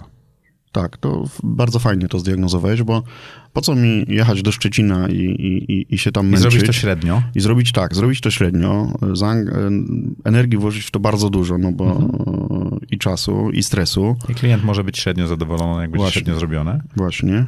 Jak, e, jeżeli włożymy tą samą energię w rynek, w obszar, ten, w którym działamy, a jest Polski. co robić, no to, no to po pierwsze zarobimy pewnie więcej, po drugie będziemy mieli więcej spokoju, jakby no nie ma sensu, no nie? To się jakby e, dla mnie mentalnie nie spina. Ale mhm. taka Ukraina, wbrew pozorom, byłaby łatwiejsza niż taki Szczecin, bo w Szczecinie nie ma ludzi do pracy, bo są w Niemczech, nie? Mhm. Czyli trzeba ich zbierać nie wiadomo skąd. I, a z kolei taka Ukraina, to tak jak mówię, jeżeli u nas w organizacji jest, nie wiem, ze 300 Ukraińców pracujących, Część z nich to są mądrzy ludzie, bo mamy też w nadzorze już takich mhm. E, zatrudnionych na umowę o pracę. Tak. Wychowujesz, jak to tak. powiedziałeś, e, Dokładnie. struktury. Dokładnie. Ja taki trzon na, na, na pierwszą konkretną robotę w Ukrainie to ja już mam gotową. Mhm. Więc w zasadzie to ja ich tam wysyłam, daję im środki finansowe i ja tam, no i to jest tak jak nie wiem, w Warszawie czy w Krakowie. Nie muszę tam jechać, nie wiem, że to mhm. będzie zrobione. E, zakładając oczywiście, że wojna się skończy. Zakładając, że wojna się skończy. Mówisz Natomiast... o dwóch scenariuszach, czyli tym gwałtownym, a ten drugi? A ten drugi scenariusz to jest, e, jest taki, że mm, ta wojna się szybko nie skończy. E, Ukraina będzie się wykrwawiać. Rosja będzie coraz bardziej przejmować wpływy na Ukrainie i nie będzie żadnej odbudowy Ukrainy. Będzie, będzie... I wręcz będziemy mieli coraz więcej imigrantów, tak? Dokładnie tak ja z natury jestem optymistą, ale w tym konkretnym przypadku wydaje mi się, że ten drugi scenariusz chyba będzie bardziej realny, więc jakby... Prawda też może być gdzieś pomiędzy tymi rzeczami. Pomiędzy. No, I nie wiem. Fajnie byłoby, choćby ze względu na, na ludzi, żeby się te konflikty pokończyły, ale jak na razie to co się słyszy, to jakieś nowe odpalają, mhm. więc... więc... o tym nie gadajmy, bo my nie jesteśmy specjalistami. Tak. Trochę zmieniając temat, chciałem ciebie zapytać, e, jakimi samochodami jeżdżą milionerzy z firm budowlanych? Wiem tak, w Polsce e, wydaje mi się, że jeszcze nie jesteśmy dojrzali do, mm, do takich dóbr e, luksusowych. materialnych, luksusowych, jak, są, mhm. jak samochody. No nie? I ja jakby swój przykład często przytaczam, kiedy miałem już naprawdę dużą firmę, stać mnie było na naprawdę fajne samochody, a jeździłem starym Fordem Mondeo, y, którego bardzo lubiłem. Y, on był sprawny, nic się z nim nie działo. Y, no ale no widać było, że to jest samochód o wartości tam, nie wiem, 5 tysięcy złotych. Tak? taki zjechany trochę. No, zjechany. Ja go tam kupiłem używanego w Niemczech, sam zresztą pojechałem po, ten, po to auto, tam sobie wypatrzyłem, kupiłem i, i, i, i ono mi dobrze służyło. Mm, I pamiętam, jak jak e, było tak, że pojechałem podpisać właściwie już umowę na kontrakt, e, jakieś tam realizację stacji, instalacji tych naszych branżowych na stacji metra w Warszawie i zaparkowałem tak e, naprzeciwko w oknie sali konferencyjnej, wszedłem, a pani prezes mówi, że no, my to tutaj mamy duże wątpliwości, panie Marcinie, że pan tego nie podoła i tak chcielibyśmy się wycofać z tych ustaleń. Nie? Oburzyłem się wtedy mocno. Ale bo... dlatego, że auto zobaczyła? Tak. Ona mnie oceniła. oceniła cię po tak. samochodzie, którym przyjechałeś? Tak, bo tak jeszcze, jeszcze takim wymownym gestem spojrzała w kierunku tego samochodu, no nie? Więc dla mnie było już wszystko jasne, nie? Więc powiedziałem, że wie pani, no ja jakby współpracuję naprawdę z dużymi firmami. Oni profesjonalnie badają moje papiery finansowo-księgowe i wiedzą, że jestem w stanie. Ale jeżeli wy macie inne y, standardy oceniania y, zdolności, po no to, parkingu. Tak, po parkingu, no to, to rzeczywiście chyba nie ma sensu. I wyszedłem i koniec, nie? I, i nigdy więcej tam nie wróciłem. Wróciłem... Czyli, czyli wa warto też znać swoją wartość. Ja jestem knobrny i zawsze, y, zawsze jakby może nie zawsze, ale, ale pilnuję tego, żeby mi ktoś tam na głowę nie wszedł w takich e, sprawach, e, nie może niematerialnych, ale takich e, upokarzających w różny sposób, bo ja się wtedy poczułem upokorzony, no nie? Mhm. Więc e, zawsze wtedy mówię to, co myślę. Mam, mam taki dar, e, ale i wadę, e, żeby powiedzieć publicznie, co o danej sytuacji myślę. I wtedy właśnie tak, tak, tak zrobiłem, czyli powiedziałem, co myślę, jakby mm, odgrywając się trochę, że mają słabe metody oceniania zdolności finansowej. I, i, ale wiedziałem, że mm, z tym nie wygram, bo to, to nie była taka pierwsza, jakby to była taka bardzo zero-jedynkowa sytuacja, mhm. ale, ale wiedziałem, że mm, w Polsce postrzega się e, firmę, do dzisiaj tak jest, firmę i przedsiębiorcę po tym, jakim samochodem jeździ. I wtedy pamiętam, wróciłem do domu i, i e, powiedziałem żonie, że jadę kupić Hondę CRV, którą mi się mega podobała. Rok czasu się tam w salonie na nią przyglądałem, ale e, szkoda mi było kasy, bo, bo wiedziałem, że pieniądze, te pieniądze zainwestowane w, właśnie w firmę dadzą dużo większy zwrot i pozwolą się bardziej rozwijać. Miałem no, CRV przez 6 lat, zacny samochód. Tak. Mhm. I, no i to, to, to było pierwsze moje nowe, takie salonowe e, auto. Takie nowe, nowe. Takie nowe, nowe. No i to chyba takie no, bardzo, bardzo dużo radości mi dało. E, potem pozycjonowałem tą firmę, pamiętam pierwszy kontrakt za 10 milionów. No za cholerę nie mogłem tego przeskoczyć. Mhm. Mm, I też... E, kontrakt cały za 10 tak, milionów. Tak, żeby był mhm. kontrakt taki 10-milionowy, no nie? Bądź, bądź większy. I pamiętam tak, że już też było blisko i też tak, a bo to jest za duży, a wy to taki nie robiliście, a wy... To, to, i to nie miało znaczenia, że robiliśmy, nie wiem, 10 po 7 milionów, e, e, tylko, że nie robiliśmy jednego za 10. No, no bzdura, mhm. nie? I wtedy pamiętam też, e, siedziałem w firmie, jeszcze wtedy mieliśmy takie małe biuro, wszedłem sobie w internet, znalazłem sobie Mercedesa Yy, to był ML. Zadzwoniłem do gościa, czy ten samochód jest, yy, czy mogę liczyć na jakiś rabat. I go zamówiłem przez telefon. Yy, zarezerwowałem, na drugi dzień wysłałem wszystkie dokumenty, za trzy dni wsiadłem w pociąg I Odebrałeś? Odebrałem. Nawet, nawet żona nie wiedziała, że jadę. No nie? Po prostu tak sobie postanowiłem. Mówię, kurwa, bez tego chyba nie wygramy tego kontraktu. I wracając, pojechałem do Krakowa. Czyli zanim miałeś ten kontrakt? Tak. tak. Żeby troszeczkę siebie Bo już widziałem, oczarować są... i podbudować? Nawet nie siebie, tylko żeby pokazać, że tak żeby pokazać inwestorom, że no, no mam pieniądze na samochód, to i na budowę mam pieniądze, no nie? Aha. Więc, więc yy, i wtedy prosto, z, bo to kupiłem w Sosnowcu, prosto z Sosnowca podjechałem do, pojechałem do Krakowa, wjechałem prawie w bramę budowy, stanąłem tak, żeby specjalnie mnie ktoś tam stamtąd wyganiał. No, pół biura łącznie z generalnym zobaczyło. Podpisałem. Od razu. Więc, Czyli ten samochód jest... jako sposób sygnalizacji też jest ważny. Jest, on do dzisiaj jest. On do dzisiaj jest. No teraz, jeździsz, jeździsz Lambo w tej teraz chwili. Teraz jeżdżę Lambo yy, i tak, tak, z jednej strony yy, mówi... Myślałem, że to, to dla fanu go kupiłeś, a tu widzę, że, że niekoniecznie. Niekoniecznie. dla fanu też, ale yy, też yy, jakby... No nie chcę mówić, że chciałem podbudować swojego, bo to chyba jest... Chciałeś? Chciałem, y, żeby mnie niektórzy y, poważniej traktowali. Którzy? No, z wyższej półki. Okej. Okay. Bo y, no, cały czas w Polsce, dlatego ja nazywam, że to jest jeszcze niedojrzały biznesowo kraj, oceniamy ludzi po tym, czym jeżdżą, no nie? Jak się, się, pokazują, tak. tak jaki się, zegarek, tak, jaki i to samochód. Się, to się natychmiast zmienia, nie? Jeżdżę Lambo, to już jestem ważniejszy, mądrzejszy. No, A to, to dosłownie jest, tak to jest, No jest, no. no. tak jest, to jest przykre, ale tak jest. A, a tak serio, to, to Lambo nie jest mi, nie jest mi potrzebne. Choć Ale sprawia ci przyjemność. Sprawia mi przyjemność i też y, uznałem, że to już jest ta pora, kiedy trzeba się nagradzać, zacząć nagradzać, tak? Bo kiedy sobie kupię takie Lambo? Jak będę miał 75 lat, to już wtedy będzie takim jeździć, nie? To jest jeszcze taki ostatni moment, no, że to mogę... jest SUV, to jeszcze, jeszcze wsiądziesz, nie? No tak, ale to też no, zawsze chciałem wiedzieć, jak się jeździ Lambo, no to teraz wiem. Jeździ się fajnie, ale mm, no ale bez przesady, nie? To nie jest, to jest też tak, że koniec, tak, nie? że przesiądziesz się, nie wiem, choćby ze Skody Super do takiego Lambo i to jest yy, przeskok jakbyś rakietą jeździł. No tak, aż tak nie jest, nie? Ale jest w drugą stronę. Możliwe. Jeszcze nie próbowałeś. Nie, czasem, czasem jest tak, że biorę jakiś tam samochód służbowy. służbowy. Najgorzej jak wezmę z taką manualną skrzynią biegu, bo mi gaśnie na każdym skrzyżowaniu. Nie? Ale, ale jakby nie mam z tym problemu. Natomiast y, nie chciałbym y, wrócić do samochodu typu, nie wiem, jakiś tam maluch, nie?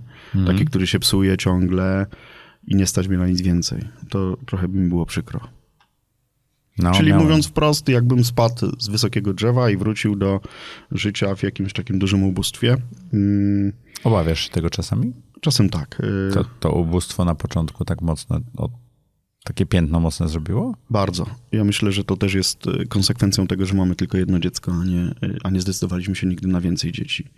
Y, czego ja żałuję dzisiaj, bo, bo mm, mamy... Bo wam się dziecko kojarzyło z, z tymi trudnościami. No, zajebistą biedą. A jak już mhm. nas było stać na drugie dziecko, no to Natalka już była nastolatką, to, no, to już tak nie chciało nam się mówiąc wprost, mhm. nie? I i dzisiaj z perspektywy czasu e, to trochę żałuję, bo to tak e, dziecko wychodzi z domu i trzeba się nauczyć od nowa żyć, nie? Mhm. Mm, to się no. nazywa syndrom pustego gniazda, tak?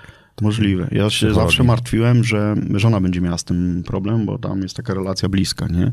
Ale pamiętam, jak, jak córka wyjechała na studia do Wrocławia, to chyba e, ja miałem jakby dużo większy problem niż żona. O.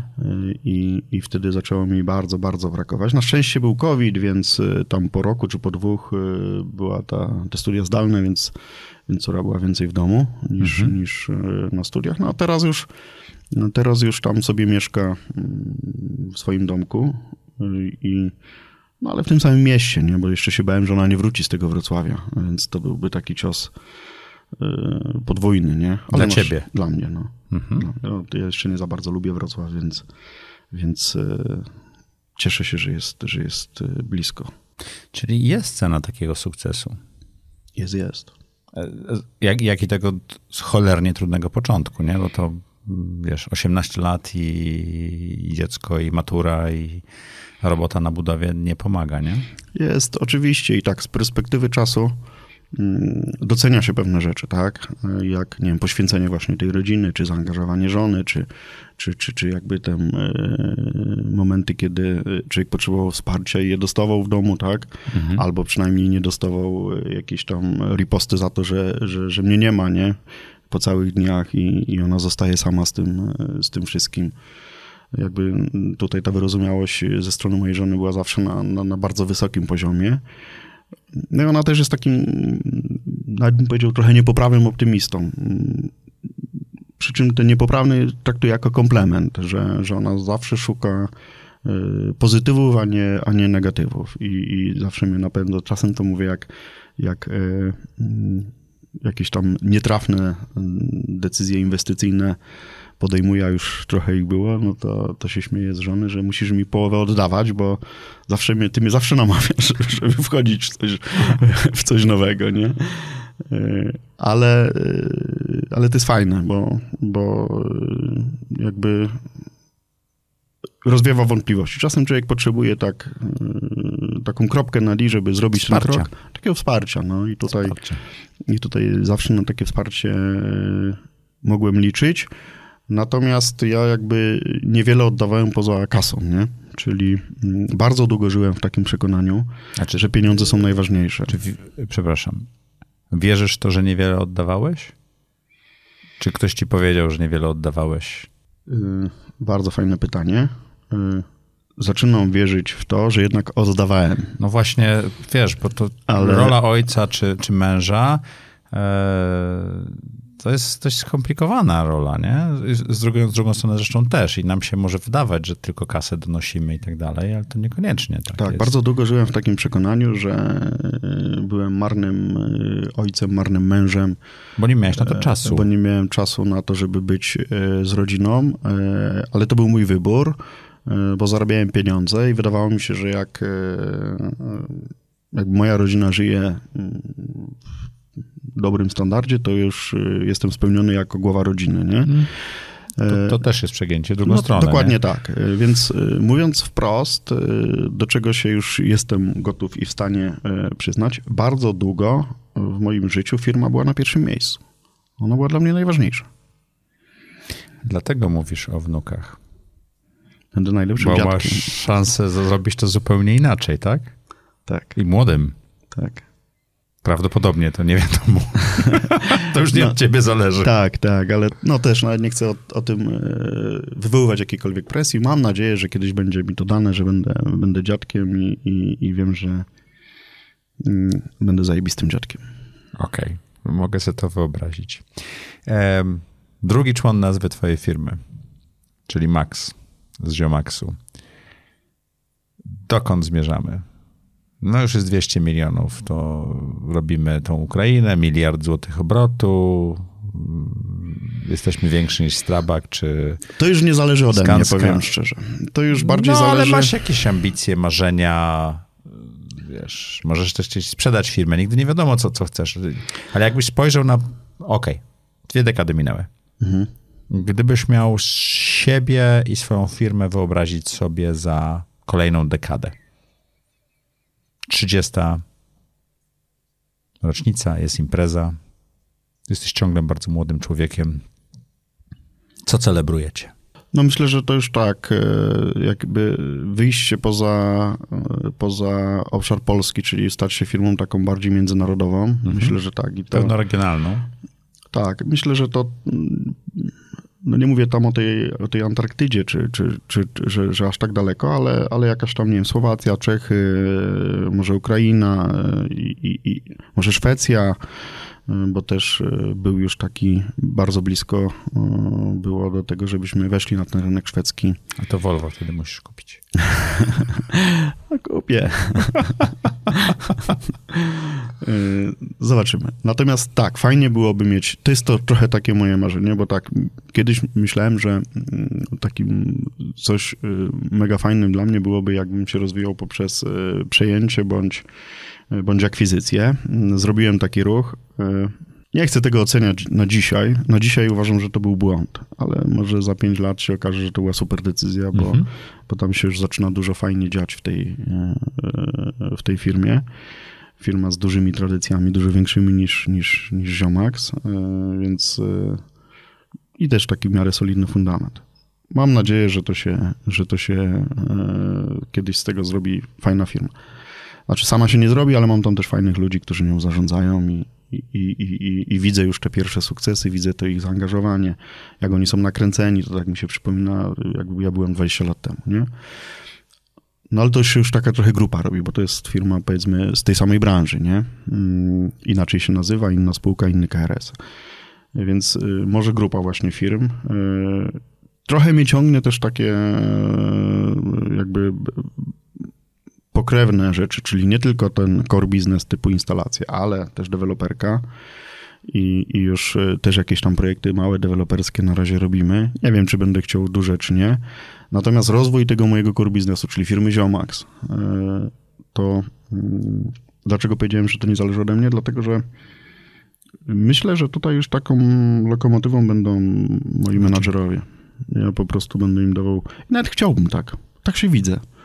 Taki y, sympatyczny starszy pan, który zaprasza, zaprasza chłopaków na obiadek, y, sobie tam pogadamy, a co tam na Ukrainie, a co tam na Słowacji, a jaką EBITDA w tym roku, a jakie plany w tamtym, a kogo tam y, ciekawego zatrudniliście, albo ktoś ciekawy odszedł.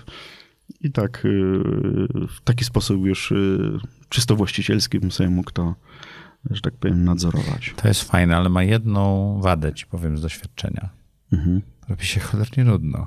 Bo No jednak ta praca operacyjna powoduje, że serducho czasami bije szybciej i to niekoniecznie ze szczęścia. Czasami gól, gól wiesz, Mhm. staje, jesteś wkurzony i musisz coś po prostu rozwiązać, tak? Mhm. A tak, o pogadanie o ebidzie i wypłacie dywidendy to się w maju dzieje, tak? I koniec. To prawda. I ja już trochę zaczynam tego doświadczać, mówiąc wprost, y, bo mm, tak naprawdę mógłbym przychodzić do pracy raz dzień, y, w jeden dzień w tygodniu, no nie? Mhm. Mm, I to by było w 100% wystarczające. Chodzę codziennie, bo nie mam co ze sobą zrobić. Ale chodzisz do grupy, czy chodzisz do głównej firmy? Do głównej firmy. Do głównej firmy. Okej.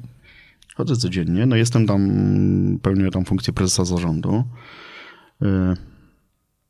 Trochę się tam nudzę, ale no mam kontakt z tymi ludźmi. y, Oni tam no zawsze mogą przyjść się tam czegoś doradzić, albo czasem to sami ich zapraszam i pytam, co w danym dziale się dzieje, jakie pomysły, albo, albo ich przekonuję, że no wdrożenie sztucznej inteligencji i automatyzacja tych procesów jest konieczna, bo inaczej odpadniemy z rynku i, i, i próbuję ten taki mentalny, e, mentalne wdrożenie tym, tym pracownikom robić. e, Oni nie widzą, bo siedzą w okopach, nie? No, a poza tym się trochę Na tego budowie. boją i tak dalej. Natomiast tak, już więcej dostrzegam i taką, taką pracę mogę bardziej doradczą niż operacyjną, ale nie muszę tego robić, tylko co robić wtedy, no nie? Moje życie zaczyna się robić nudne, serio. Mogę I, ci podkręcić piłkę? Mhm. No ale co by było, gdybyś rzeczywiście zaczął tą grupę firm budować? To jest właścicielskie działanie, nieoperacyjne. Cholernie trudne, bo trzeba tworzyć nowe firmy, kupować firmy, szukać synergii, podejmować zupełnie inne ryzyka. Mogło być ciekawe, bo ja tego nie umiem. Nie wiem, jak No się właśnie. za to zabrać. I to, mogło, to by mnie mogło nakręcić, tak. To mogło być dla mnie Ale ciekawe. lubisz rzeczy, których nie umiesz? Lubię. Lubię rzeczy takie twórcze. Jeżeli yy, muszę się czegoś nauczyć, zdobyć wiedzę, ale potem coś się z tego zadzieje, nie? To mnie, to mnie rzeczywiście podkręca. Ale fajnie, że to powiedziałeś. Fajnie to być może to jest yy, ten najważniejsza rzecz z tego dzisiejszego wywiadu, bo jakby szukam trochę pomysłu na swoje życie. dla ciebie, czasu. zobaczymy, co dla widzów i dla słuchaczy. Słuchaj, taki moment w wywiadzie nadchodzi, że my mamy nasze pytania, które zadajemy wszystkim gościom. Nawet mamy taki hashtag trudne pytania. Nie boję się trudnych pytań. No dobra, zobaczymy. E, czy możesz opisać najlepszą decyzję, jaką podjąłeś w życiu? Na to pytanie zawsze odpowiadam z perspektywy zdrowotnej. Rzuciłem palenie. Okej, to ważna decyzja. E, Cholernie ważna decyzja. Tak, i uważam, że to jest, że to jest e, jakby świetna i bardzo trudna wbrew pozorom, bo Mhm. wiem, że gdybym drugi raz wrócił do tego nałogu, to chyba bym się już nie zdecydował, bo to strasznie cierpiałem. y, i wymagało to ode mnie masę poświęcenia i upartości, ale się udało. Nie? Ile lat już nie palisz? No długo, z 15 gdzieś, no już Okej. nawet nie pamiętam dokładnie, ale tak y, z 15 lat, a już było tak, że paliłem dwie paczki dziennie, nie? A to już tak No. na maksa. Co daje ci najwięcej energii czy satysfakcji w życiu? Odnoszenie sukcesów. Ja uwielbiam wygrywać Mm. w każdej dziedzinie. Czy to jest sport, czy to jest rywalizacja biznesowa, y, nawet w karty, jakbyśmy tutaj zagrali, to jakbym przegrał, to byłbym smutny do końca dnia. Ale jak... ale... Czyli zwycięstwo. zwycięstwo. Okej. Albo, albo lęk przed porażką, no nie wiem, nie wiem, e, co Czyli jedno napędza z tyłu, drugie napędza do przodu, tak? Tak, tak, nienawidzę przegrywać, nienawidzę. Jak wygląda twój typowy dzień w tej chwili? Mam ten komfort, że mogę spać do kiedy chcę, czyli... A do której mm, chcesz? No to tak y, w granicach 7.30 już mnie biologia budzi. Mhm. Y, Nie muszę się bardzo spieszyć, żeby y, pójść do pracy, więc robię sobie to tam w jakimś wolnym tempie. Staram się nie umawiać żadnych spotkań na rano, żeby mnie to nie stresowało.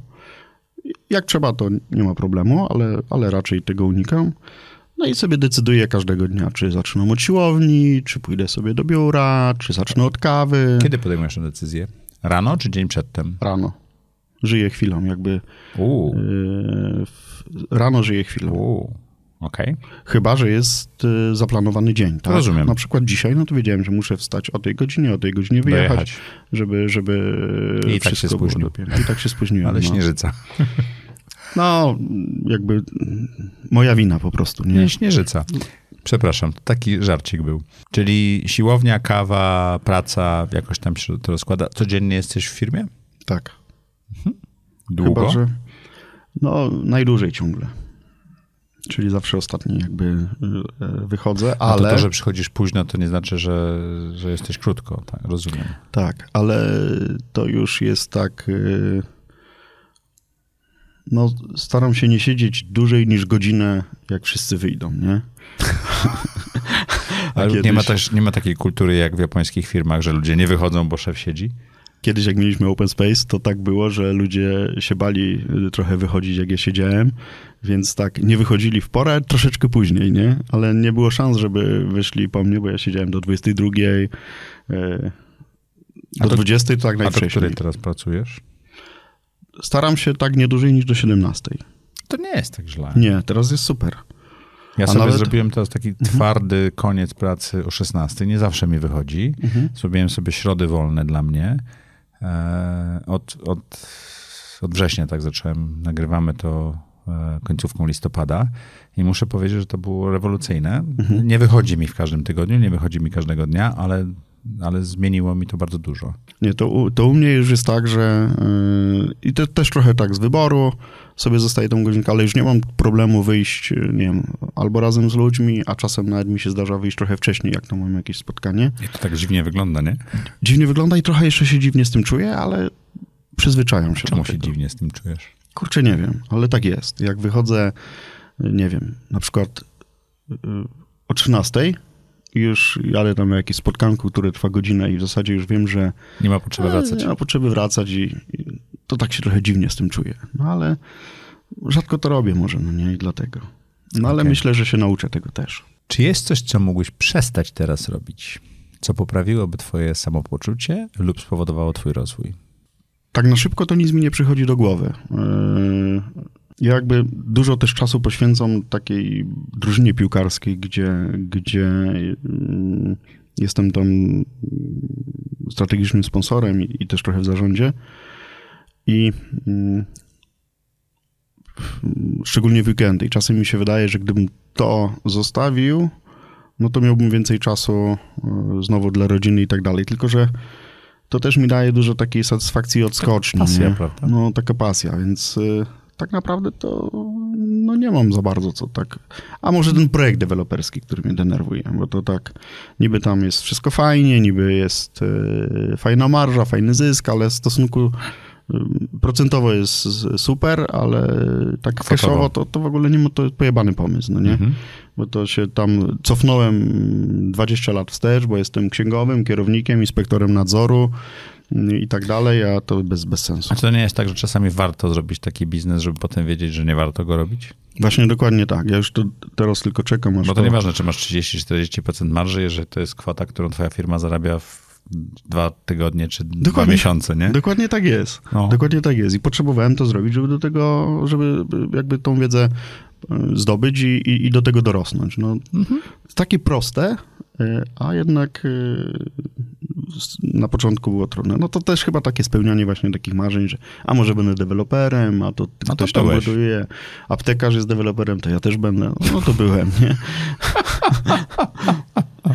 No to też będę. I, Rozumiem. I teraz już wiem, że to...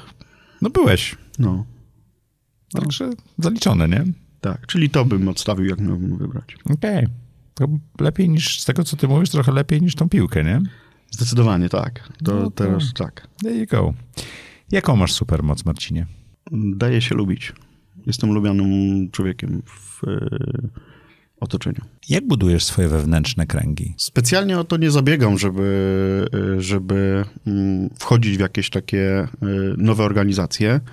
To Taki wewnętrzny krąg, który, który jakby ciągle i nieustannie buduję, to jest, są ludzie w mojej firmie Mhm. i uważam, że mam no, zajebistych ludzi. To są topowi Mhm. ludzie. Czasem to mi się wydaje, że oni są najlepsi na rynku yy, spośród wszystkich firm. Pewno są. Yy, bardzo ich lubię, no nie? Dlatego też to mnie obciąża, bo mm, jakby przejmuję się ich losami, no nie? Za Mhm. bardzo chyba niż taki typowy menadżer. Ale to też chyba jest w tym siła organizacji. Czyli ten krąg, który buduję tak świadomie, to, jest, y, to są ludzie, którzy, którymi otaczam się jakby w, w mojej firmie. Natomiast, Jakimi ludźmi się otaczasz poza firmą? natomiast poza firmą, tak, po pierwsze lubię ludzi y, takich poczciwych. No ja lubię ludzi charakternych mimo wszystko, no nie? Nie lubię takich, mm, no nie chcę powiedzieć słabych, ale, ale takich y, wycofanych, zamkniętych. Nie lubię ludzi toksycznych. Jesteś ekstrowertykiem, prawda? Tak, więc, więc e, lubię takich e, ludzi, z którymi mogę nawiązać e, przyjaźń, którzy wiem, że są ze mną nie dla biznesu, tylko dlatego, że e, nadajemy na tych samych falach, patrzymy w tym samym kierunku. I tak mam w piłce. Też tam to świetni ludzie po prostu. Tam zbudowaliśmy, tam odbudowaliśmy tą drużynę z popiołów, e, tylko relacjami można powiedzieć. E, W kręgach biznesowych to też jest takie ciekawe doświadczenie, bo jak- jakby wcześniej z tego nie korzystałem. No teraz tych organizacji kilka testuję, sprawdzam, tam, czy jakaś organizacja, y, która zrzesza ludzi wokół kryptowalut, czy, mm, czy wokół dużego biznesu, czy wokół małego biznesu. Wszędzie są ludzie e, fajni i mniej fajni, wszędzie są ludzie mm, nastawieni na y, jakąś taką dobrą współpracę albo na wyzyskanie. Nie lubię cwaniaków, nie lubię i nie lubię takich, mm, takich chamskich ludzi, nie? Mhm. Więc trochę eksperymentujesz. eksperymentuję. Tak, eksperymentuję. Myślę, że ja też trochę przyciągam tych, tych, tych, y, tych ludzi takich y, o podobnym mentalu, tak? Mhm. Czyli po prostu jestem sobą, a oni sami przychodzą. A ci, którzy mają inny mental, bądź czuję jakiś fałsz, no to ich kasuję od razu. To wtedy jestem sam chamski. Potrafię być naprawdę chamski, nie? Opisz trzy rzeczy, które chciałbyś robić za trzy lata. Chciałbym być e, bardzo systematyczny e, i dobrze wysportowany. Systematyczny w aktywności sportowej i dobrze już w dobrej formie i dobrze wysportowany. A zacząłeś taki- już? Tak, i to jest taki, ale to taki pierwszy krok. Mhm. Y, i to jest taki cel.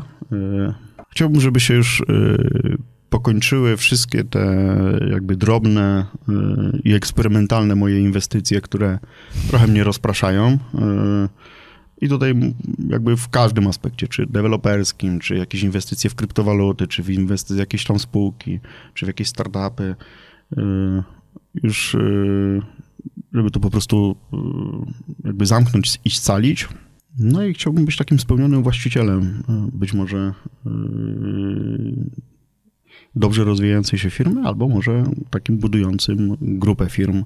To, co mówiliśmy. To, co mówiliśmy. To jest taki challenge mega ciekawy pomysł. wyszedł. Tak. Książka która?